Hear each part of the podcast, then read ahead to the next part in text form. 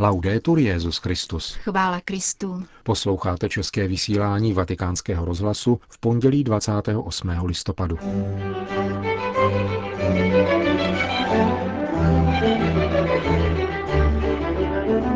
Libanonský premiér na dnešní audienci pozval Benedikta XVI. k návštěvě svojí země. Respekt vůči lidské bytosti a vůči přírodě tvoří jeden celek, řekl Benedikt XVI. na setkání se sedmi tisíci mladými z italské ekologické nadace Sorella Natura. Zakladatel komunity pro dialog mezi křesťany a muslimy byl vypovězen ze Sýrie. To jsou hlavní témata našeho dnešního spravodajského pořadu, kterým vás provázejí Jana Gruberová a Milan Glázer.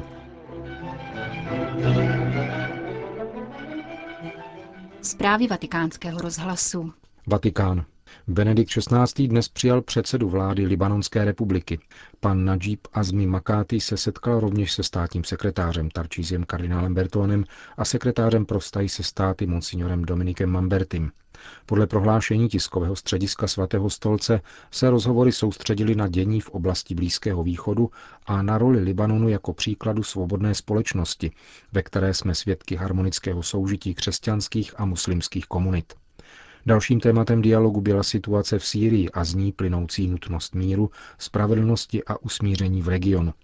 V tomto smyslu jsou křesťané povoláni ke svému zásadnímu příspěvku jako tvůrci pokoje a svornosti, uzavírá vatikánské tiskové prohlášení.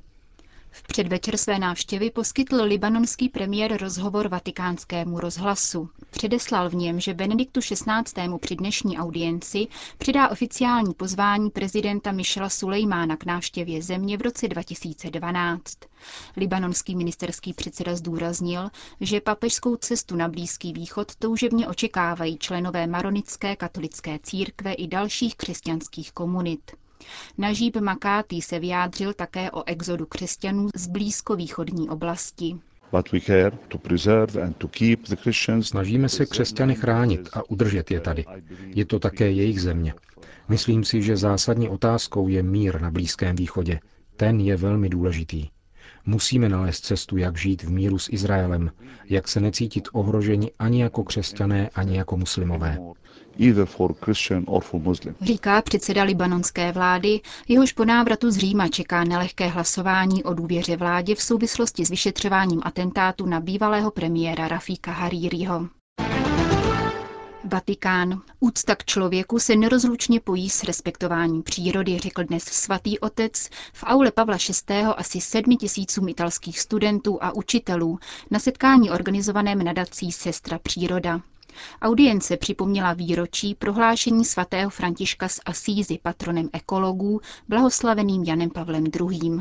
Frate Francesco, fedele alla Sacra Scrittura ci invita Bratr František nás ve své věrnosti písmu vyzývá, abychom v přírodě spatřovali nádhernou knihu, která k nám hovoří o Bohu, o jeho kráse a dobrotě.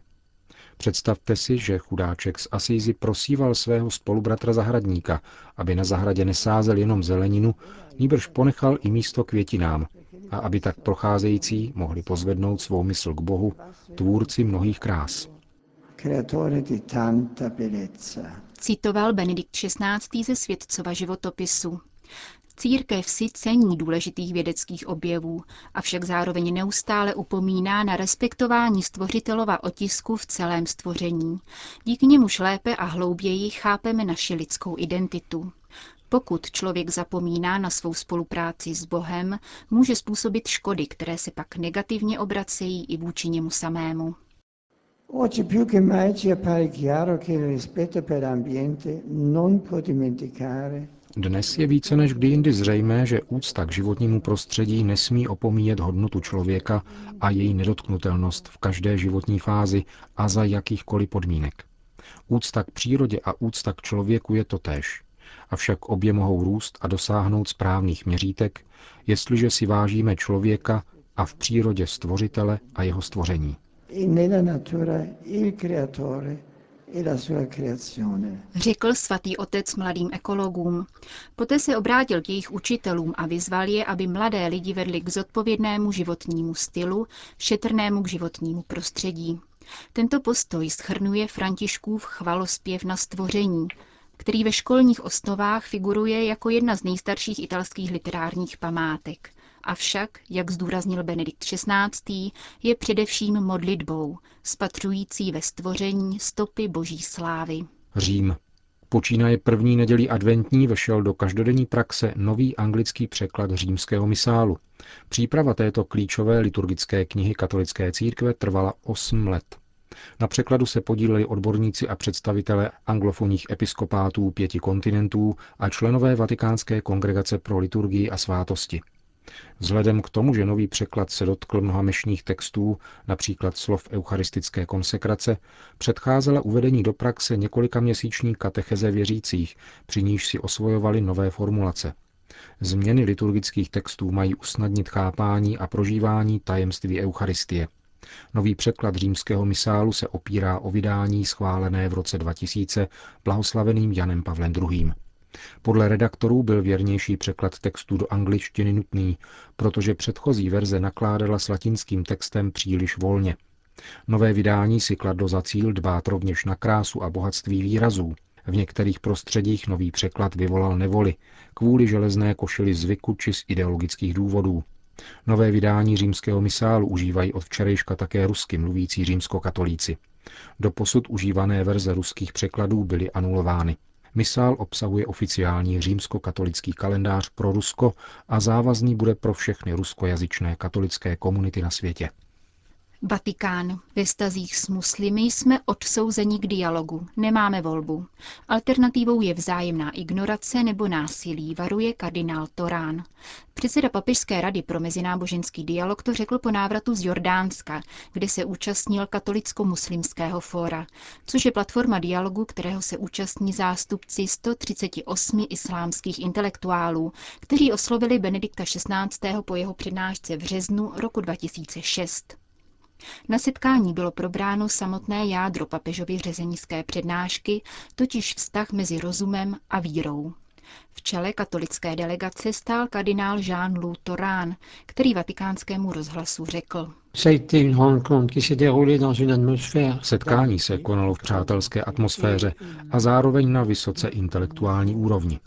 Zvláštní ráz mělo díky tomu, že všichni jeho účastníci si uvědomovali, že jednoho dne se budou zodpovídat před Božím soudem. Společně jsme došli k závěru, že víra nepochází z rozumu, ale také se mu nepříčí. My katolíci jsme zdůrazňovali, že věřící a rozumný člověk je poslušný Bohu, ale také mu naslouchá. Existuje tedy poslušnost víry a naslouchání rozumu. Na závěr setkání jsme vydali společné prohlášení, ve kterém uznáváme, že Bůh nám dal rozum, který nám umožňuje poznat pravdu a daroval nám také víru, díky níž víme, že jsme stvořeni a rosteme v poznání Boha. Uznali jsme také, že člověk, který je osvícen vírou a rozumem, může lépe ctít Boha a zároveň lépe sloužit bližním de non seulement d'adorer Dieu, mais aussi de servir mieux son prochain. Řekl kardinál Torán o setkání katolicko-muslimského fora v Jordánsku, které se konalo minulý týden. Paříž. Arcibiskup francouzské metropole kardinál Van Troyes vyhlásil modlitební vigílí na odčinění hříchu rouhání za divadelní hru nazvanou Golgota Piknik, která výsměšným způsobem za pomoci explicitních sexuálních scén a přímých inzultací adresovaných Kristu představuje scénu ukřižování. Divadelní hra, kterou napsal španělsko-argentinský dramatik Rodrigo Garcia, již vzbudila pobouření v Madridu, kde mnozí diváci odcházeli z hlediště během hry. V Paříži má být tato hra poprvé uvedena na scéně Rond Point na Champs-Élysées 8. prosince, tedy na svátek neposkvrněného početí Pany Marie. Modlitební vigílie je naplánována na den pařížské premiéry a bude se konat v katedrále Notre Dame. Bohoslužba se bude skládat z rozjímání Kristova utrpení a úctění relikvie trnové koruny. Francouzští biskupové prostřednictvím svého mluvčího monsignora Bernarda Podván sdělili, že svobodu mínění je sice třeba respektovat jako něco posvátného, ale stejně tak, že je třeba respektovat to, co je posvátné. S odkazem na prohlášení Evropské unie z listopadu z listopadu roku 2009 o ochraně náboženské svobody, francouzští biskupové podotýkají, že žádná evropská instituce nesmí financovat produkci, která zesměšňuje náboženství. Připomínají, že mnozí křesťané sdílejí naše Připomínají, že mnozí nekřesťané sdílejí naše rozhořčení a vyzývají, aby ti, kteří jsou téhož názoru, nezůstávali lhostejní, obrátili se na své volené zástupce a dali jim na vědomí, že něco takového není hodno demokracie.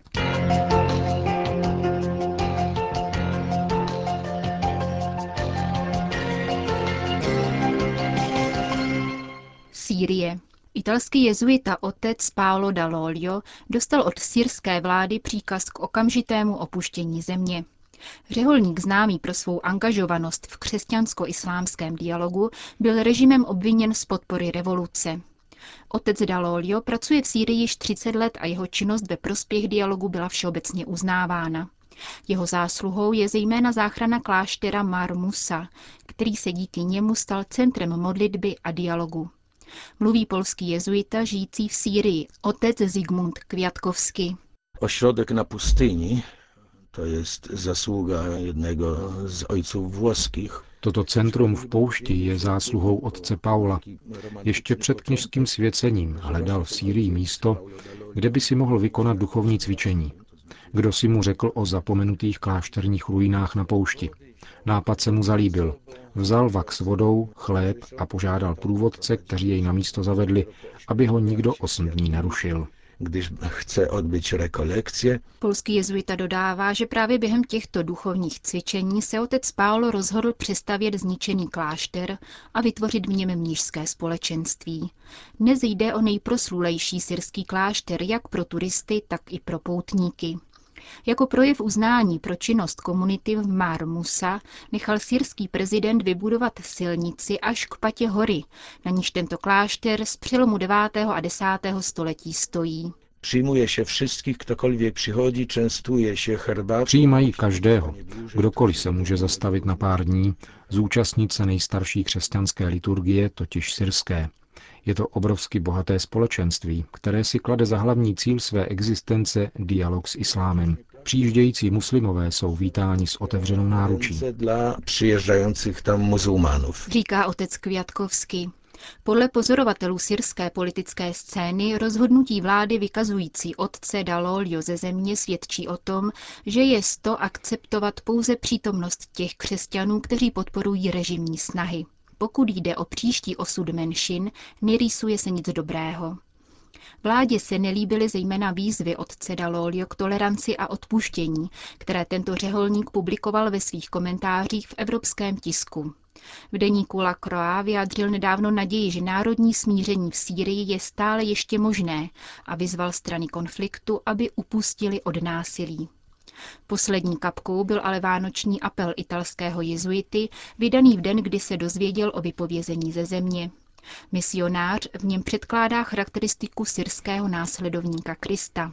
Vybízí k solidaritě s každým, bez ohledu na náboženskou, politickou, rasovou či jazykovou příslušnost. A formuluje jasně otázku, o jakou Sýrii se vlastně bojuje. Chce náš národ demokracii, která bude sto vládnout nad rozdíly, nebo se vrátí režim, ve kterém obyvatelé trpí nespravedlností? Řeholník pranířuje také hlasy vyzývající k extrémismu a ukazuje, že pokojné soužití islámu a křesťanství je možné. Svůj vánoční apel uzavírá slovy. Spravedlnost a rovnost není možná bez tolerance a odpuštění. Jak se zdá, právě tato slova rozhodla o tom, že musí okamžitě opustit Sýrii.